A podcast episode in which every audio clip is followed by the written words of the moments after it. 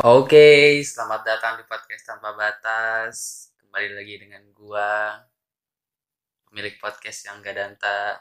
Sampai lupa kapan terakhir gue bikin podcast. Gila, saking lamanya, saking udah nggak tahu harus mau ngapain lagi di rumah. Udah lama banget kayaknya nggak bikin podcast. Oke, semoga kalian semua yang mendengar podcast ini dalam keadaan sehat-sehat saja ya di rumah. Jangan ke mana-mana dulu kalau nggak penting. Tetap di rumah aja. Tetap jaga kesehatan. Uh, kali ini gue nggak sendiri. Gue sama sahabat gue keren gak tuh gue ngomongin sahabat? Teman lama. Woi, belum dipanggil jangan keluar dulu. Ya, maaf, maaf, maaf. Saya ngakak dengerin, Pak. teman kuliah karena memang baru kenal di kuliah terus mulai dari awal kenal sampai sekarang uh, hubungannya sangat baik. Sangat sangat baik. Nggak pernah. Jarang banget. Jarang banget ada masalah gitulah pokoknya. Jadi ini teman gue namanya malaikat pencabut nyawa di sini ya. Uh, halo Rifan. Ya halo semuanya. Halo semuanya seribu penonton. Seribu pendengar maksudnya lima ribu pendengar. Seribu pendengar. Halo apa kabar Van? Kabarnya kabar kabari alhamdulillah luar biasa. Sehat? Masih gimana sehat? Sehat sehat. Ya. udah punya anak berapa? Anak belum punya. Oh belum ya. Belum. Kirain udah pengennya sih punya man oh pengennya punya. Pengen ya, berapa pengen. rencananya? Punya sih pasti pengen ya semua orang ya. Ada aja yang nggak punya kan nggak mau itu.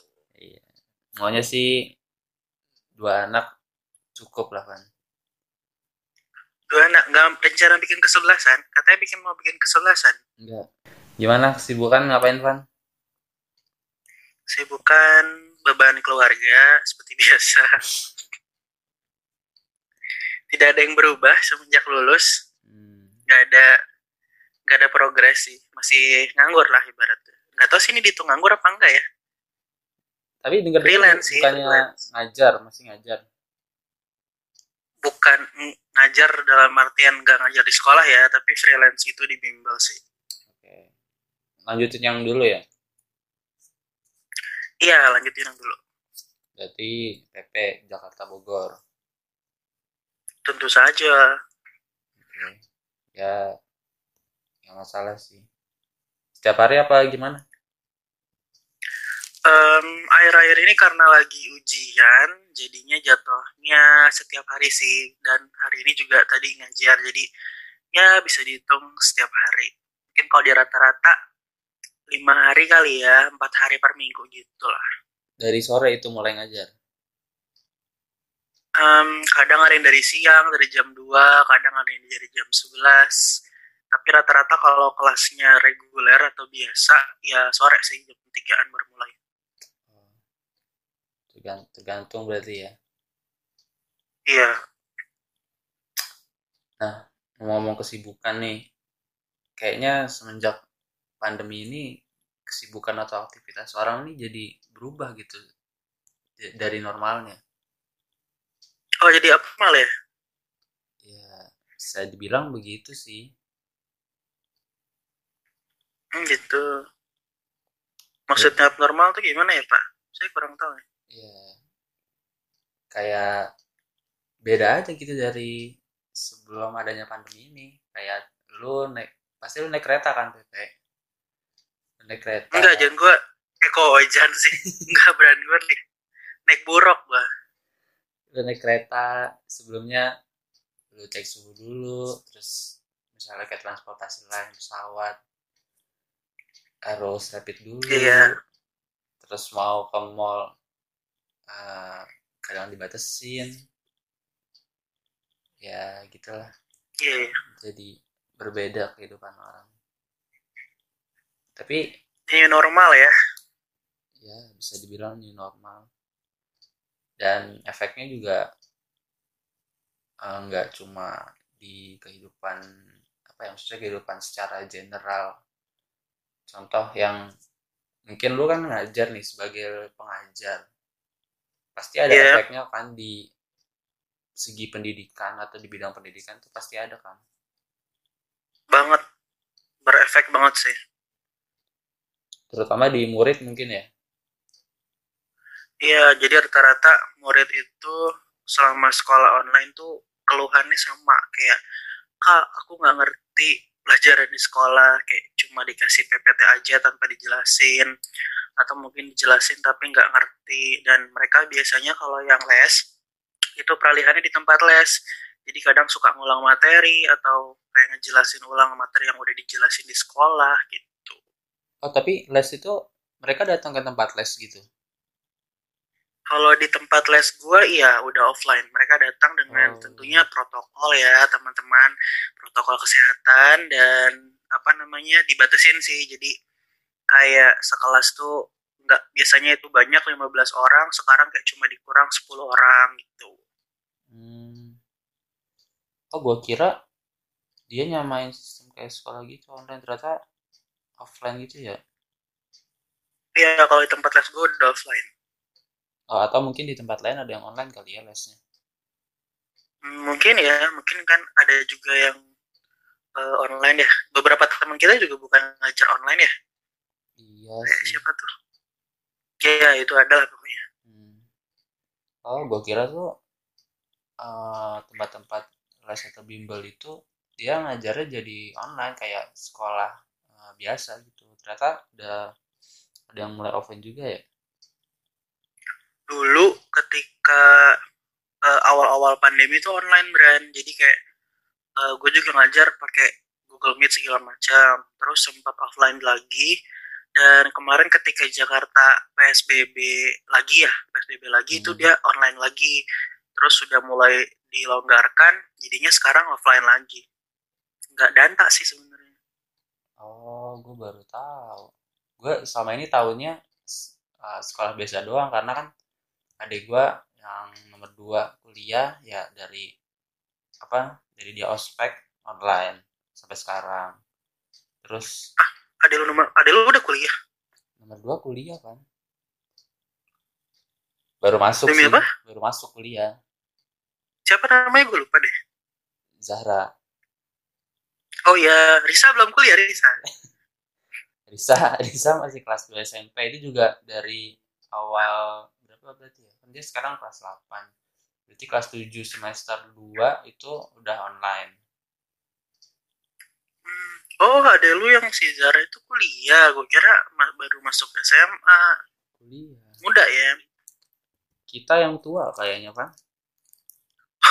Kita tua. Baru umur 22 masih dibilang muda lah. Ah, jangan mentuakan diri lah. Enggak terasa loh udah umur 22. Terasa sih, Bra. Gua gue sih gua kayak gua awalnya agak kaget kayak oh, gua udah umur 22 ya.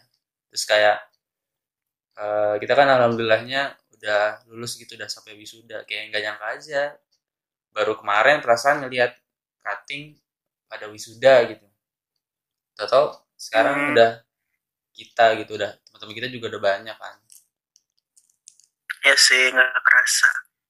Namanya juga waktu ya. Ya seperti itulah Oke. dan Selamat ya buat adanya Gibran. Udah masuk kuliah. Selamat menempuh kehidupan baru. iya makasih udah telat berapa bulan tapi ya nggak apa-apa lah ya Yolo, gue udah ngucapin nih masih dibilang telat. Jahat emang. tapi di umur 22 tuh kayak apa ya lu sendiri maksudnya ada pandangan gak gitu ketika lu udah nyampe umur 22 lu punya capaian atau suatu target gak gitu kayak lu punya kerjaan atau apalah yang lain-lainnya gitu Of course, iya ada. Dan bahkan target itu juga pastinya sudah gue pikirkan sejak gue mau deket-deket lulus gitu. Kapan ya gue punya target baru tuh semester 7 akhir deh. Itu udah mulai punya target baru. Setelah lulus mau ngapain. Dan tentu saja sesuai ekspektasi tidak berjalan dengan mudah.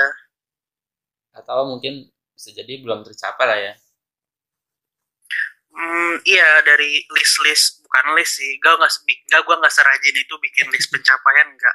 Gue bukan orang Wah, yang apa namanya? setelah lulus satu dua tiga Iya, nggak nggak. Gue nggak se, dibilangnya apa ya? Gue nggak seidealis itu gitu. Gue fleksibel aja dengan keadaan waktu, dengan keadaan dan kondisi. Ya apa sih yang bisa gue capai gitu.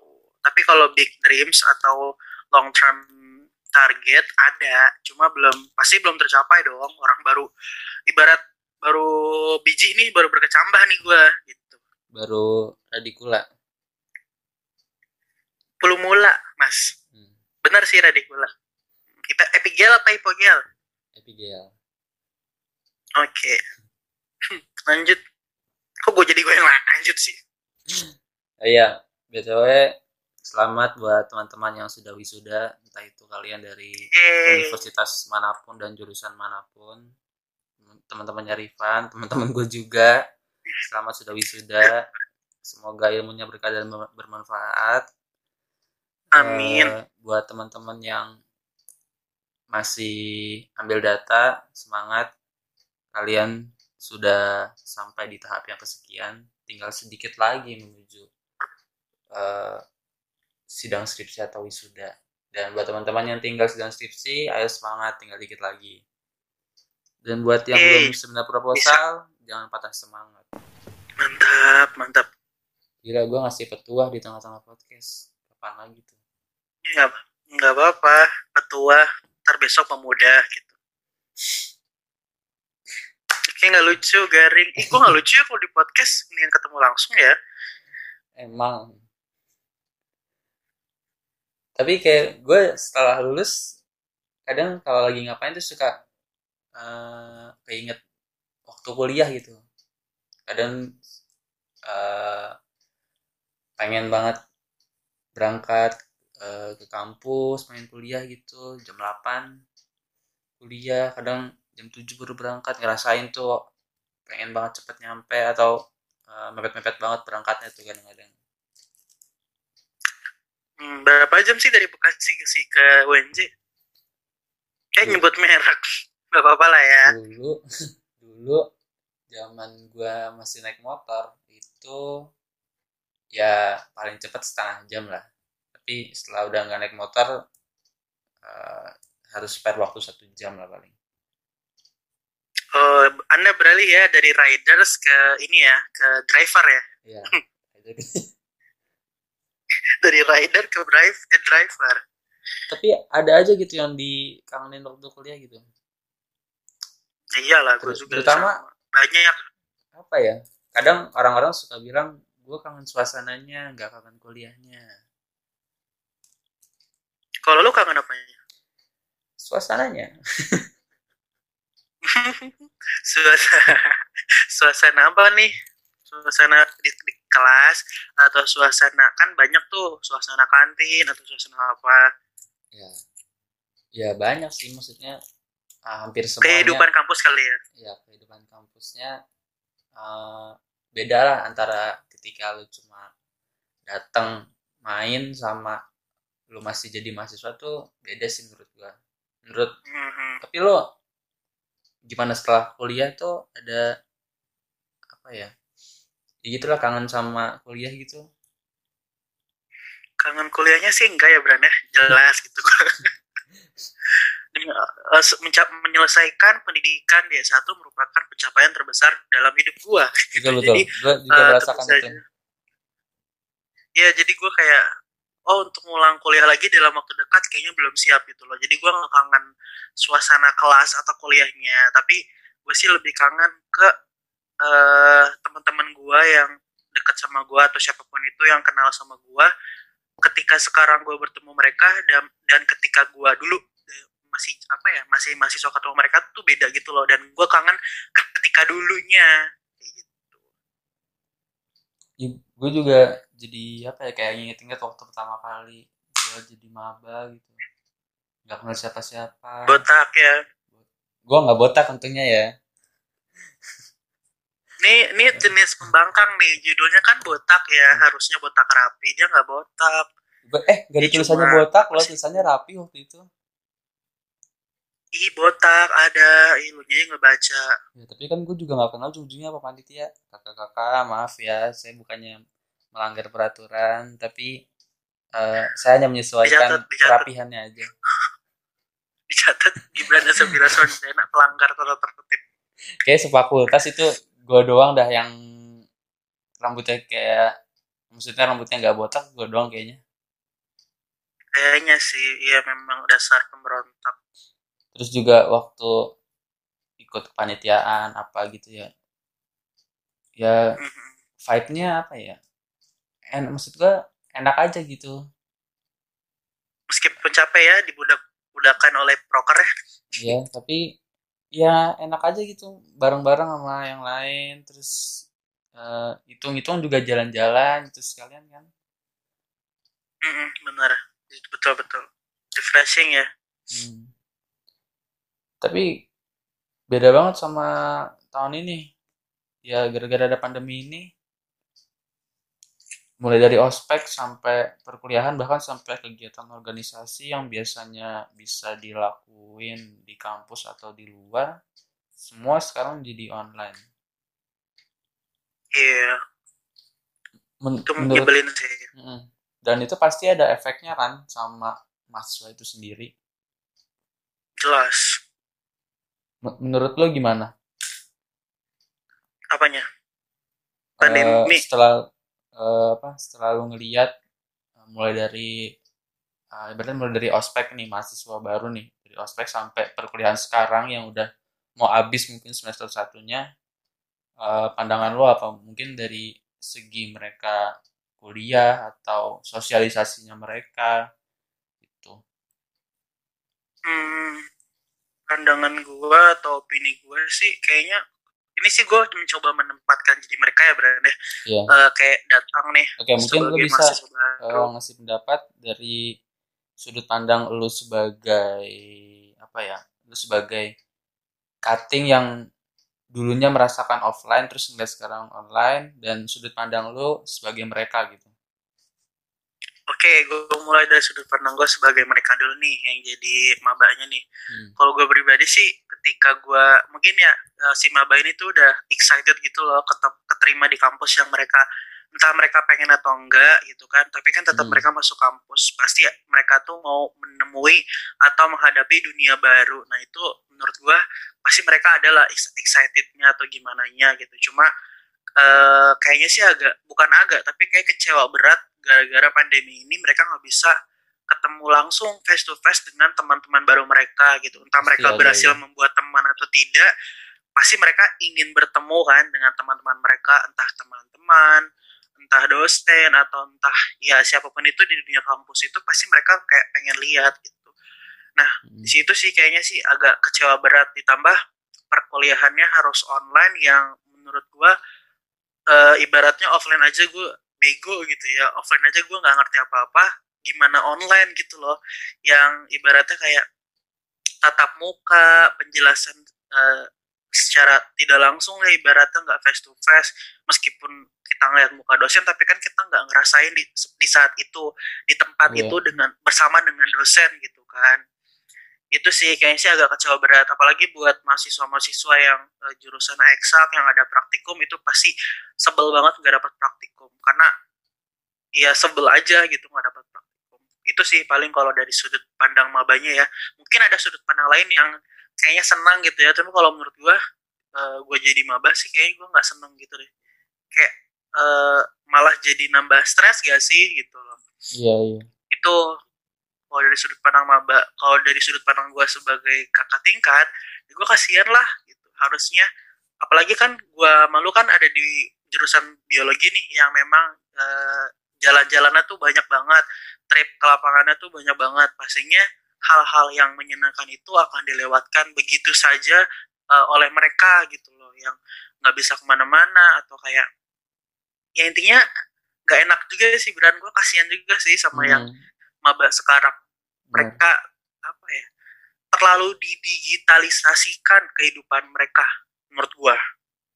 Ya walaupun sekarang serba digital tapi menurut gue juga sih ini kan uh, dalam apa ya segi sosialisasi mereka menurut gue digital itu nggak bisa ngebayar apa pun itu loh terkait sosial, uh, sosial kehidupan sosial mereka kan beda Betul. antara lu nelpon video call sama lu ketemu langsung itu beda. Ada kayak apa ya emosional aja bahasa gue kayak ada ekspresi berlebih lah atau emosional yang beda ketika lu video call sama temen lu sama dosen sama ketemu langsung pasti beda kan? Iya. Simple contohnya ya ketika lu ngetik aja apa yang lu ketik itu bisa dipandang beda sama ya orang yang baca kan itu hmm. beda beda beda ketika lu ngomong langsung. Nah, sampai kesannya tuh kan beda tuh cara deliverynya. Dan pasti pemahaman orangnya juga bakal beda dengan perbedaan media tersebut menurut gua sih. Iya dan yang agak gua takut gua takutin sih impact ke depannya atau ke waktu mendatang. Karena kan ya anggaplah mereka kurang lebih enam bulan nih. Enam ya sekitar enam bulan nggak kontak sosial sama teman-teman mereka di kampus atau sama dosen. Nah yang bisa jadi ditakutin itu ini jadi berdampak buruk gitu. Ya dampak buruk pasti ada sih tergantung gimana individunya merespon keadaan ini. Ketika nanti mereka masuk iya. ke semester berikutnya terus kayak ketemu temennya ketemu dosen uh, itu jadi apa ya? Bisa jadi nanti uh, suasananya itu nggak sesuai sama ekspektasi mereka selama ini. Mungkin ketika mereka kuliah online di uh, via laptop atau HP gitu kayaknya asik-asik aja gitu. Tapi pas yeah. kuliah offline ya Allah alam nggak tahu deh nanti mereka menganggap uh, itu sesuatu yang asik atau enggak kita nggak tahu sih iya karena uh, iya sih gue ngerasain juga ketika gue jadi maba terus kan dari SMA ya peralihan ke mahasiswa kan pasti hmm. uh, nambah tuh gelarnya jadi maha kan maha iya, maha maha barata maha Mahabharata, Mahabharata gitu. Jadi mahasiswa. Nah, ketika jujur ya, gue kira kehidupan kampus ya ya udah nggak jauh beda sama SMA gitu kan. Di mana kayak teman-temannya gini-gini, temannya gimana ya? Kalau SMA sih gue lihat homogen ya. Maksudnya uh, di SMA gue masih bener-bener egois banget gitu loh. Kayak gue nggak terlalu mikirin teman gue gimana gimana gimana. Kalau gue uh, kalau gue dulu sih kayak gitu. Hmm.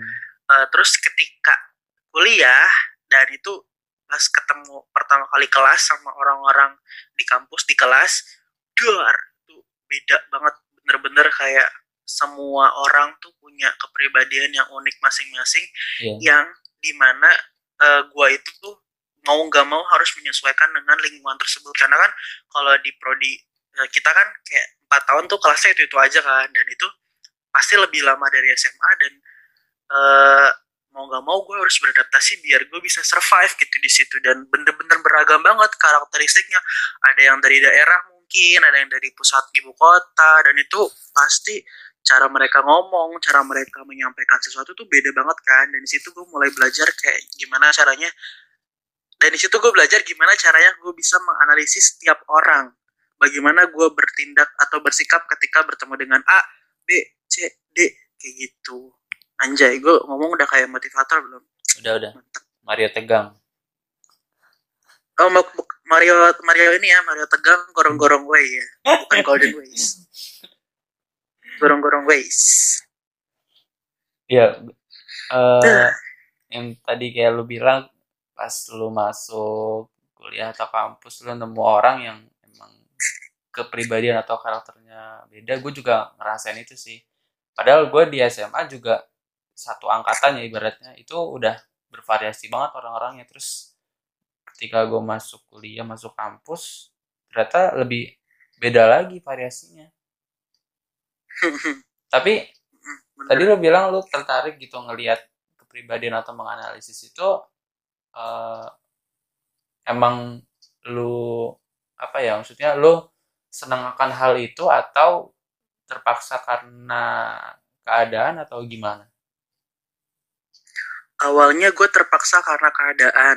Terus uh, gara-gara ya gimana ya gue kesel aja gitu kalau ada orang yang nggak bisa menerima bukan menerima ya me menangkap apa yang gue maksud kayak gitu. Kayak misalnya dalam diskusi kelompok nih gue mencoba menyampaikan pendapat gue gini a b c d e f g gitu. Terus tiba-tiba ada orang yang bener-bener kontradiksi gitu loh sama pendapat gue dan di situ gue ngerasa kayak gue masih eh, nggak uh, suka gitu sama orang-orang kayak gitu yang kontradiksi. Ya lo egois banget gue ya. Nah di situ gue mulai belajar. Ya lo teman-teman caranya? maafin ya. Gue mulai belajar gimana caranya gue uh, mencoba gimana ya gue di situ lebih memilih mencoba untuk down to earth. Gimana caranya gue bisa menganalisis tiap orang dan gue menemukan solusi bagaimana caranya gue menghadapi orang tersebut. Dan lama kelamaan itu jadi kebiasaan gue sampai sekarang gitu. Jadi kayak apa ya kayak yang awalnya gak gue suka gak gue mau tapi lama kelamaan gue melakukan itu nah, karena kebutuhan tadi terus jadi kebiasaan sampai sekarang. Tapi berarti itu gitu. uh, akhirnya memaksa lo untuk deket sama orang yang awalnya lu nggak suka iya buk gimana ya nih gue jujur aja ya ini kita ngomong belak belakan aja nih gengs karena uh, aku tidak mentolerir adanya sebuah kepalsuan ih najis banget kata-kata gue Sumpah di sini di podcast lu dong tuh gue ngomong dengan bahasa sesopan mungkin. Padahal. Karena gue takut. Padahal nyablak guys di belakang. Nggak takutnya. Nggak maksudnya takutnya kalau gue ngomong nyablak entah ada yang sakit hati atau gimana kan. Gak ada yang tahu kan. Overthinking kan gitu. Tadi sampai mana mas? Saya lupa pertanyaannya. Terpaksa karena Oh orang yang gak suka ya? Ya, pokoknya uh, iya gue terpaksa uh, kayak apa ya dengan gue tahu apa yang harus gue lakukan ke dia berarti bukan gak suka ya lebih ke nggak ini aja sih ke nggak satu frekuensi anjay frekuensi gitu lebih ke nggak satu frekuensi aja gitu nggak satu vibe nggak nggak klop banget gitu loh. Nggak kayak lo gue kita gitu nggak nggak kayak gitu. Lebih uh, lebih ke nggak cocok aja. Dan gue biasanya gue sedikit membedakan perlakuan gue terhadap orang yang gue anggap kita nggak cocok itu bukannya merendah bukannya apa ya? Bukannya gue apa sih kasar atau gimana nggak gue cuma menyesuaikan diri gue ketika bertemu dengan orang yang nggak terlalu gue suka. Biar ke sana gue nggak nggak biar ke sana ke enggak sukaan atau ke enggak kecocokan gue sama dia tuh nggak gue liatin banget gitu loh. Jadi kayak ke sana gue menghargai atau berusaha mencoba sopan Oke. Tapi dengan cara lo membedakan perlakuan lo dengan orang yang uh, lu kurang suka itu sampai sekarang uh, apa ya berhasil? Hmm, dibilang berhasil banget sih enggak. Cuma ya sedikit terbantu sih gue kayak dengan gue punya kemampuan buat hmm, membeda-bedakan itu gara-gara hasil analisis. Avatar, bos. iya dong abad 21 apa tadi gue mau apa sih gara-gara lu uh, iya gara-gara uh, karena gue punya kemampuan tersebut bukan kemampuan deh ntar takut gue disalahin lagi. Uh, gue punya apa ya kemampuan. punya kebiasaan seperti itu. Kebiasaan seperti itu membeda-bedakan orang terus melakukan perilaku yang berbeda ke tiap-tiap orang. Gue gue merasa gue uh, menciptakan hubungan baik dengan siapa pun gitu loh. Jadi aku tuh duta cinta damai gitu. Jadinya nggak pernah banget. punya masalah. Nggak punya nggak pernah punya masalah berat sama orang yang bener-bener berat banget sampai ya kayak musuh-musuh itu nggak pernah sih. Karena ya gue mencoba untuk baik ke semua orang tapi dengan porsinya yang beda-beda. Itu oke okay, uh, eh, berarti apa yang lo lakuin ini uh, kita nggak menganggap ini hal negatif untuk membeda-bedakan orang ya. Kita ibaratnya untuk beradaptasi dengan uh, siapa pun itu kan betul. Sebetulnya ya apa ya? Mungkin ada orang lain yang uh, punya kebiasaan atau uh, kemampuan kayak lu tadi. Kok kemampuan sih? Kebiasaan aja lah ya. Kemampuan tuh kayaknya dewa banget ya. Iya kayak kayak gue iya kayak gue superior banget gitu Kayak- padahal iya. gue kan kentang. Kayak Zeus. Ya deh lebay banget ya ya. ya oke. Ya lucu nggak lucu. Lanjut lanjut Kan ya sebenarnya juga di luar sana mungkin banyak uh, orang yang punya kebiasaan membeda-bedakan gimana caranya dia untuk berinteraksi dengan orang lain. Tapi mungkin kadang jadi disalahgunakan atau mungkin cara Iya. menerapkannya kurang tepat gitu. Jadinya si target atau orang yang nggak dia suka ini beranggapan kalau oh dia nggak suka nih sama gua. Nah akhirnya itu memicu perkelahian. Perkelahian bukan konflik. Ya konflik konflik Jerman Barat dengan Jerman Timur. Jadi apa ya Hah? terus?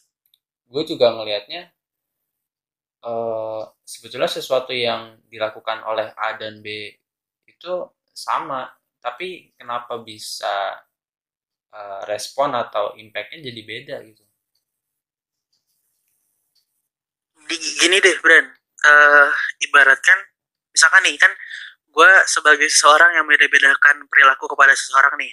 Terus lu tuh kayak merhatiin apa yang gue lakukan gitu. Menurut lo menurut lo ketik eh, menurut lo fair gak sih kalau misalkan gue ngelakuin ke temen lo yang A sekian persen misalkan 70 persen gitu? Kayak gimana ya persenan persen itu mem- mem- apa ya mewakili kesungguhan gue dalam berteman mungkin gitu ya Nah, terus ke temen lo yang B, gue cuma ngasih persentasenya sekitar 50%. Nah, lo sendiri yang lihat itu gimana? Da- eh, pandangan lo terhadap perilaku gue yang ke teman-teman lo itu?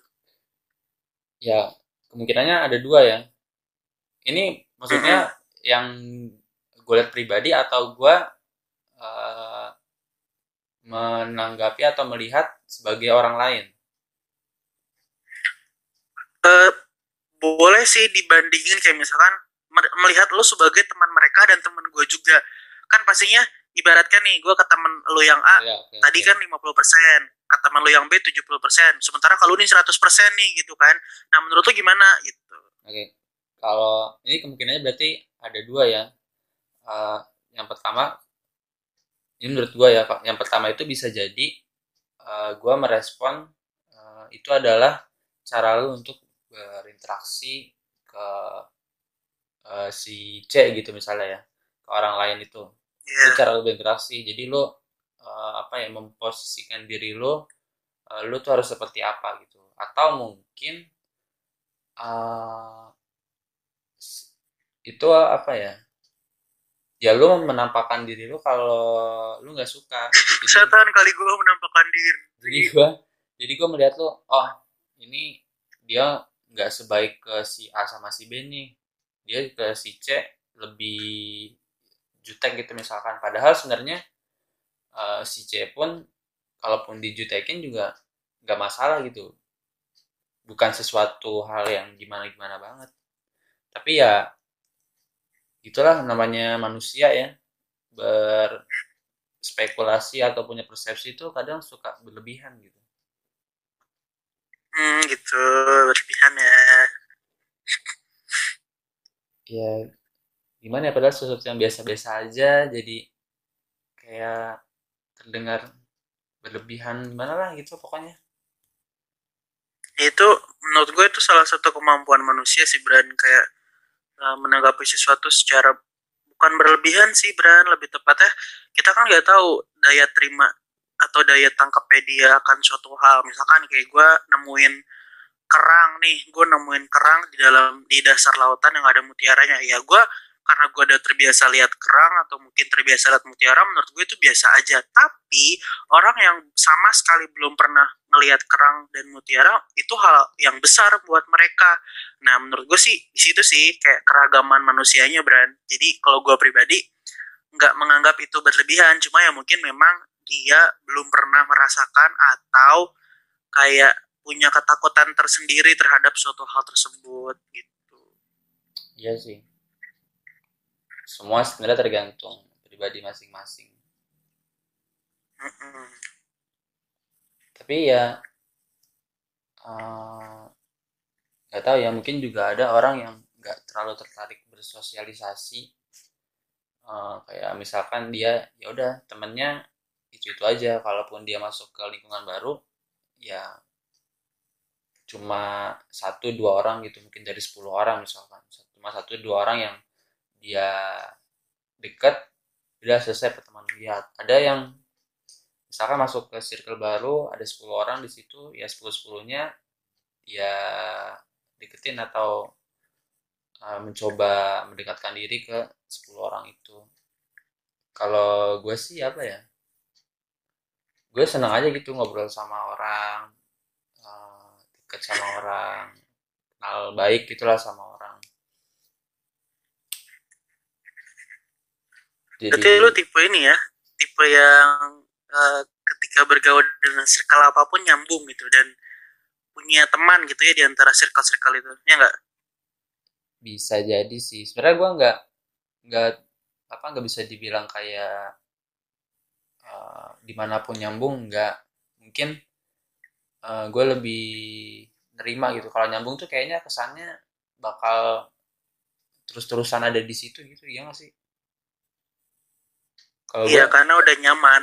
kalau karena nyambung nyaman. ke, uh, penerima nerima. Maksudnya ketika dia ngomongin ini oh gue uh, bisa nerima lo omongan ini. Dan akhirnya gue jadi kenal sama dia gitu misalnya. Hmm. oke. okay. Friendly gak sih jatuhnya itu? Bisa jadi sih. Atau understanding? Sebentar sebentar. Friendly sama understanding ya. Friendly. Beda. Friendly understanding. Sepertinya understanding. Understanding kan? Maksudnya kayak kalau friendly tuh kayak orang baik gitu loh. Hatinya baik sekali dengan siapa gue saja baik. bisa berteman. Gua baik Hah? enggak lu nggak baik. Sumpah ya buat teman-teman Gibran kalau bilang Gibran oke okay, dia baik tapi ada suatu saat dia menjadi oh, ya nggak? Aduh kan jadi kasar ngomongnya. Enggak enggak gue gue nggak pernah jadi orang jahat kok tenang aja. Nggak pernah. Oh untung dia ngomong nggak pernah. Kalau belum pernah mau gue serang. Kapan pernahnya? Emang definisi orang baik itu gimana sih Bran? Gak pernah jahat bang emang lo gak pernah jahat? Enggak enggak gue jadi pengen nanya sebenarnya di dunia ini ada yang gak pernah jahat gak sih? Gak pernah jahat? Ada. Nabi gak pernah jahat. Man manusia, Van. Nabi manusia juga, Bran. Apa lu? Manusia di dunia ini, uh... manusia di dunia ini ada yang pernah gak jahat gak? Um, pasti pernah, pernah jahat tapi uh, kuantitas jahatnya itu pasti ada yang sedikit banget gitu loh, Bran. Kayak menurut dia mikirin atau menurut menurut dia yang mikirin buruk tentang orang lain itu jahat ada aja gimana ya? Uh, kan menurut kita gibah dan segala macam itu kayak biasa gitu kan. Kayak ya udah itu asam garam kehidupan. Hmm. nah tapi ada yang bilang kalau ada yang mungkin merasa kalau gibah itu kayak jahat banget atau mungkin bahkan mikirin buruk tentang hal orang lain itu gak jahat banget gitu. Mungkin ada yang kayak gitu. Mungkin itu bisa dikategorikan sebagai orang baik. Entah itu baik atau munafik. Nah itu kita nggak tahu. Ya karena uh, kriteria jahat itu sebenarnya nggak bisa kita ukur juga sih. Ya maksudnya tingkat kejahatan itu kadang sulit diukur. Polisi kali ya tingkat kejahatan. Ya ya tapi gue juga jadi mikir sih di dunia ada yang nggak pernah jahat apa ya? Nggak pernah jahat nggak ada brand semua pasti pernah punya jahat, pernah jahat pada masanya. Tapi jahatnya itu sih nggak di sini definisi jahat itu sebenarnya apa gitu. Entah apakah itu mencelakakan orang lain atau berkata kasar kepada orang lain atau mungkin apa gitu. Jadi kita harus tahu dulu definisi jahatnya apa Iya sih, agak sulit sebenarnya ya. Iya deh tadi kita ngomongin hal-hal yang sulit tau beran gue tuh mikir dari tadi apa yang gue katakan sebenarnya. iya. ini guys ya sebelum podcast tuh dia bilang ke gue kalau ini ntar ngalir aja ngalir aja. Ngalir aja gimana? Gue mau mikir susah ini jadinya. Bahasannya terlalu ekstra. Kalau tiba-tiba sepi kosong itu berarti kita lagi mikir. Hmm. kalian juga harus mikir berarti Tapi ngomong-ngomong tentang jahat, selama ini hal jahat apa yang eh, lu pernah lakuin dan itu paling jahat banget di hidup lu pokoknya deh. Entah itu secara eh maksudnya lu lakuin kayak misalkan mukul gitu sama perkataan itu. Apa ya berarti gue menggolongkannya gimana ya? Eh, secara fisik atau enggak gitu. Ini aja. Secara fisik atau enggak. menyakiti orang lain intinya menyakiti orang lain No no no, jahat. jahat fisik atau jahat kata-kata gitu Ya, maksudnya entah itu jahat fisik atau eh, non fisik gitu lah. Itu lu pernah nggak melakukan yang hal yang paling jahat tuh ngapain? subjeknya orang lain apa diri sendiri Orang lain. Ah dia menahan gue untuk berkata jadi kalau ke orang kalau ke orang lain gue tar gue mikir-mikir dulu kalau jahat fisik sih kayak nggak pernah deh gue nggak pernah men- eh pernah dulu tapi Sumpah. bu tapi di saat iya pernah tapi itu di saat gue STK jadi kayak gue masih ya, belum ngerti lupakan lah TK. Itu nggak ada kasar-kasarnya Nah. menurut gua. yang gue sadari yang gue sadari ya berarti yang yang gue sadari kalau itu salah kan Ya, gak pernah gue gak pernah jahat orang secara fisik kayak misalkan mukul atau kayak ngapain gak pernah lebih sering gue sih yang dijahatin secara fisik oke. Berarti Em, eh, ini saya ingat lu aja kan. Berarti Iya. lu eh, atau mungkin lu lupa gitu ya. bisa jadi gue lupa tapi kalau yang gue inget sekarang sih gue gak pernah ngejahatin orang dari fisik kayak misalkan ya mukul atau something itu gue gak ngerasa gak pernah Kalau non fisik gitu. mungkin kalau ada di luar ntar mungkin kalau di, di luar sana ada yang merasa gue pukulin atau gimana lapor ke saya ya Iya, kalau kita bicarakan ada baik-baik merasa ada yang dijahatin secara fisik sama Rifan bisa DM gue nanti gue sampein. Oke.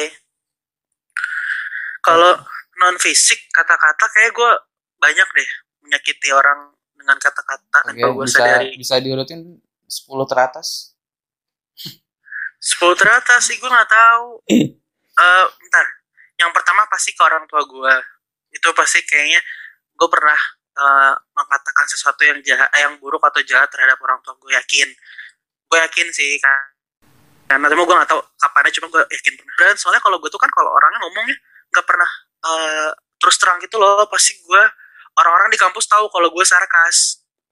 Oke. Lu tahu sendiri kan kalau gue sarkas. Jadi Aku gue nggak pernah aku ngomong nggak kayak tahu, langsung. aku nggak kenal kamu secara baik-baik. Oke, kamu gak kenal aku. Kita udah udahin podcast ini. kita akhiri sekarang juga.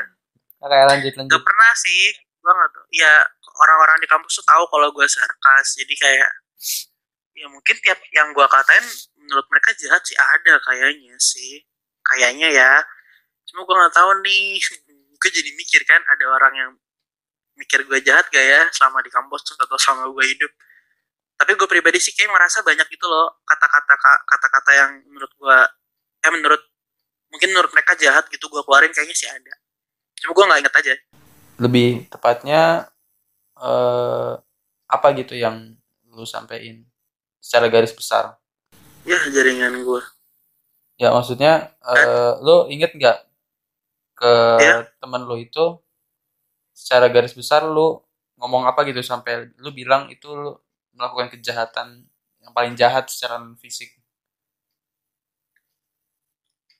Gue nggak tahu Bran karena gue nggak tahu nih ketika apa yang gue katakan ke dia, dia mener- dia mendengar itu entah seperti guntur atau gimana gue nggak tahu. Karena gimana ya? Yang gue nggak eh, seingat gue sih, gue nggak pernah gue pernah berbicara gimana ya? Gue nggak pernah ngerasa nangisin. Gue nggak pernah gue gue ngerasa, Wih, gue ngerasa nggak pernah nangisin anak orang dengan kata-kata gue.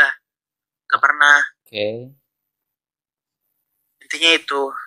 Cuma kalau ngerasa ber- berkata-kata yang menurut gue agak jahat, ya gue sih ngerasa. Cuma gue nggak tahu orang-orangnya gimana. Mungkin yang, oke sekali lagi yang punya eh, dendam pribadi sama saya gitu, yang merasa disakiti sama kata-kata saya, silahkan chat ke saya juga ya, boleh dibuka.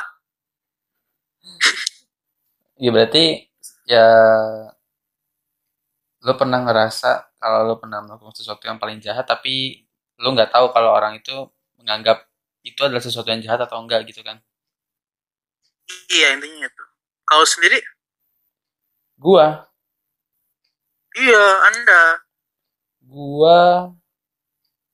Bentar bentar gua banyak nih gerak ini kalau secara fisik gua ingat gua gua nggak ya semoga aja gua nggak pernah kali ya. Tapi gua nggak nggak pernah kayak sampai berantem gitu nggak pernah. Nggak pernah gitu Van. Nggak pernah nggak pernah atau lupa? Bentar ya, gue coba gue inget-inget dulu ya. kan SMA zaman zaman lu bandel atau gimana SMA, SMA, SMA gue baik. SMP. SMP gue baik. Enggak, Van. Kalau secara fisik, ya semoga aja ya. Seingat gue sih, gue nggak pernah. oke oke Kalau non fisik, kenapa? good boy Ya, semoga aja good boy. Ya guguk gitu guguk balasnya guguk dong Kalau kalau fisik kalau non fisik non fisik non fisik, gue pernah. Ini gue kan gue pernah. Asik gue pernah. Gue sering lah. Sering jahat dong gue. dia manusia terjahat Manusia terjahat nomor 2 setelah lo.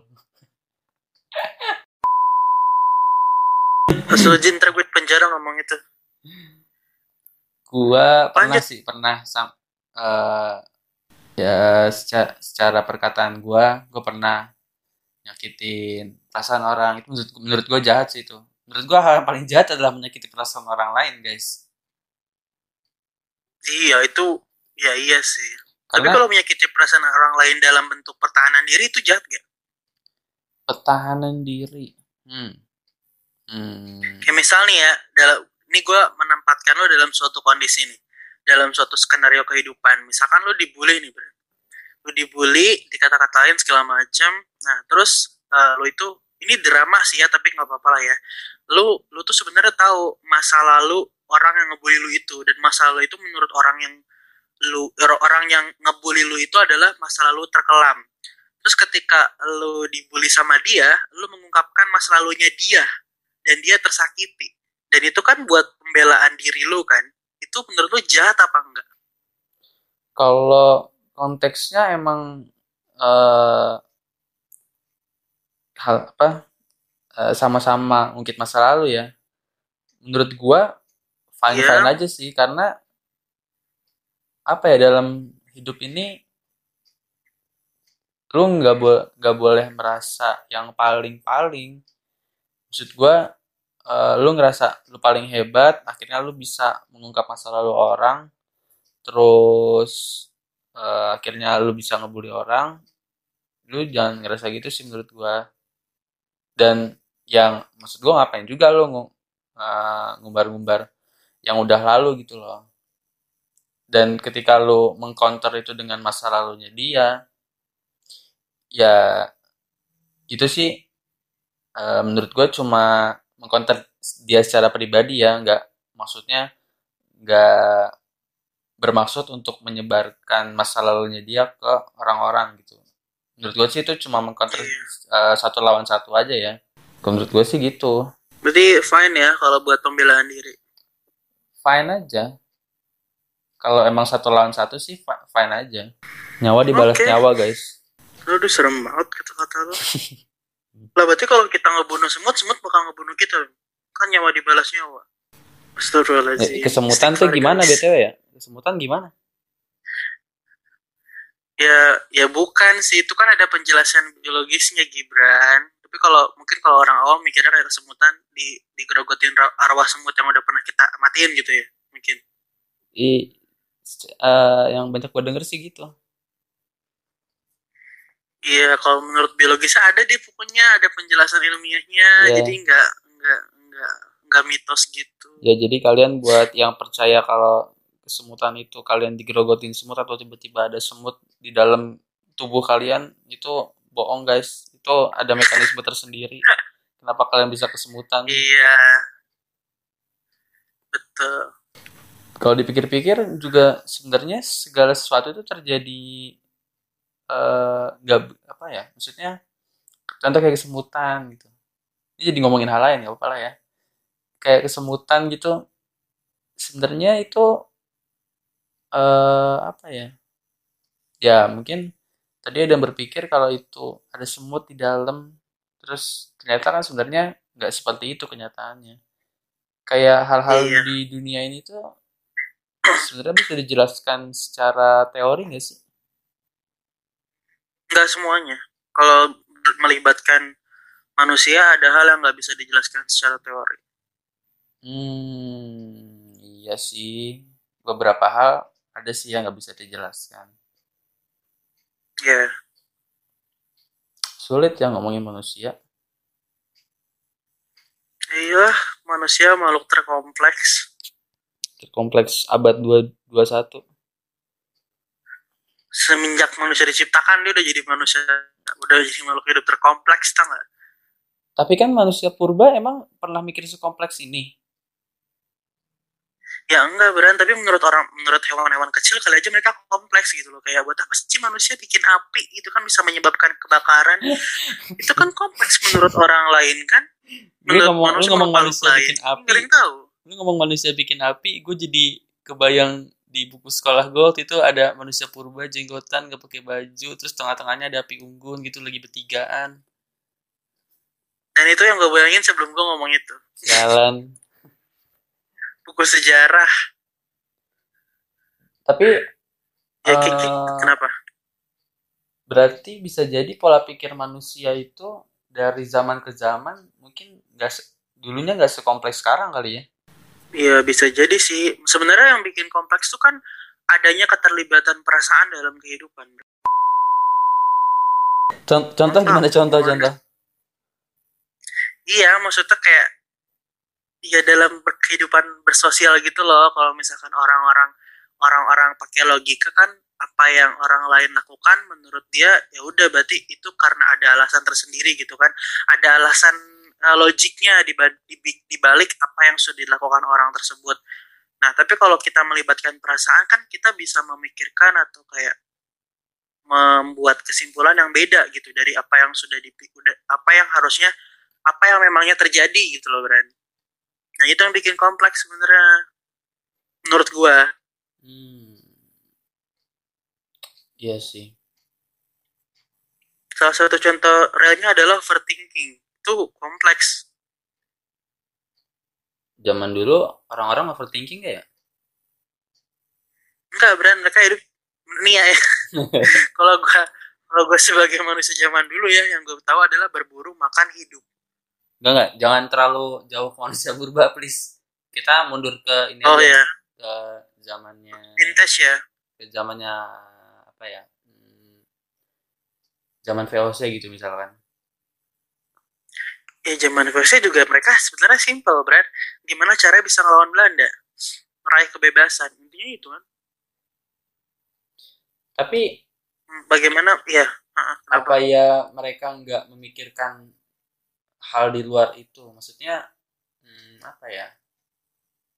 Eh, mereka nggak memikirkan hal-hal detail lain selain cuma ngalahin eh, Belanda, ngusir Belanda, selesai gitu. Apa mereka nggak mikir sesuatu yang lebih overthinking gitu nggak ada apa ya? Mungkin menurut gue nggak ada sih Bran karena saat itu kan ancaman terbesar mereka dari rakyat kasta atas sampai kasta bawah adalah kehadiran Belanda kan. Maksudnya kayak penjajahan itu merupakan penderitaan terbesar mereka gitu di balik penderitaan-penderitaan mereka yang lain-lain gitu menurut gua sih kalau gua mencoba menjadi sudut pandang orang-orang saat itu sih kayaknya ya itu dengan datangnya penjajah itu mer- merupakan penderitaan terbesar sih buat mereka jadi kayak mereka nggak ada waktu lain buat memikirkan hal-hal yang nggak penting selain bebas gitu dari penjajahan beda sama sekarang Sebenarnya kita dijajah sih, dijajah juga. Cuma secara ini, secara apa ya?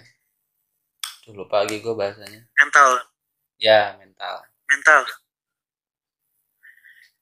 iya kita dijajah diri kita sendiri juga sebenarnya.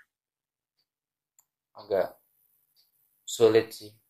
Ya nggak tahu lah kita ke depannya kayak gimana. Tapi orang dulu pernah berpikiran nggak ya kalau waktu dia hidup terus beberapa tahun kemudian tuh bakal jadi kayak gini loh? Menurut gua orang-orang yang punya pikiran kayak gitu cuma orang-orang hebat sih Bran. Maksudnya kayak eh, bukan hebat sih maksudnya orang-orang yang punya atensi lebih ke dunia luar selain kehidupannya dia. Kayak orang-orang yang visioner itu mungkin memikirkan hal-hal kayak gitu. Tapi kalau orang-orang yang bener-bener uh, prinsip hidupnya enjoy my life ya mereka nggak bakal nggak bakal mikir sampai ke situ gitu loh. Mereka mikir gimana caranya mereka hidup di saat itu. Gimana cara mereka menikmati hidup. Mereka nggak mikirin ke depannya akan seperti apa gitu mereka nggak mengkhawatirkan gitu loh ke depannya akan seperti apa. Yang penting mereka menjalani hidup saat ini tuh dengan nyaman tenang aman gitu. Menurut gua. Tapi orang-orang zaman sekarang juga pasti mikir gitu kan. Anggap aja lah uh, orang sumuran kita gitu. 10 tahun lagi iya. uh, gua apakah udah punya keluarga atau belum? Terus 20 tahun lagi apakah gue masih kerja atau enggak? Atau gue kerja di mana?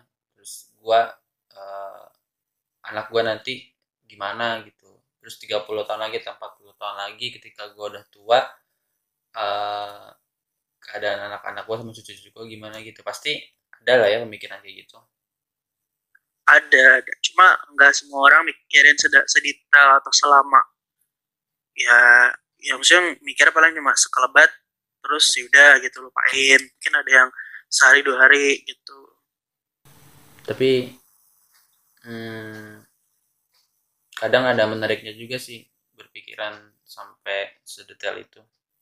Cuma entah itu sebagai uh, mungkin sebagai beban atau sekedar memikirkan aja.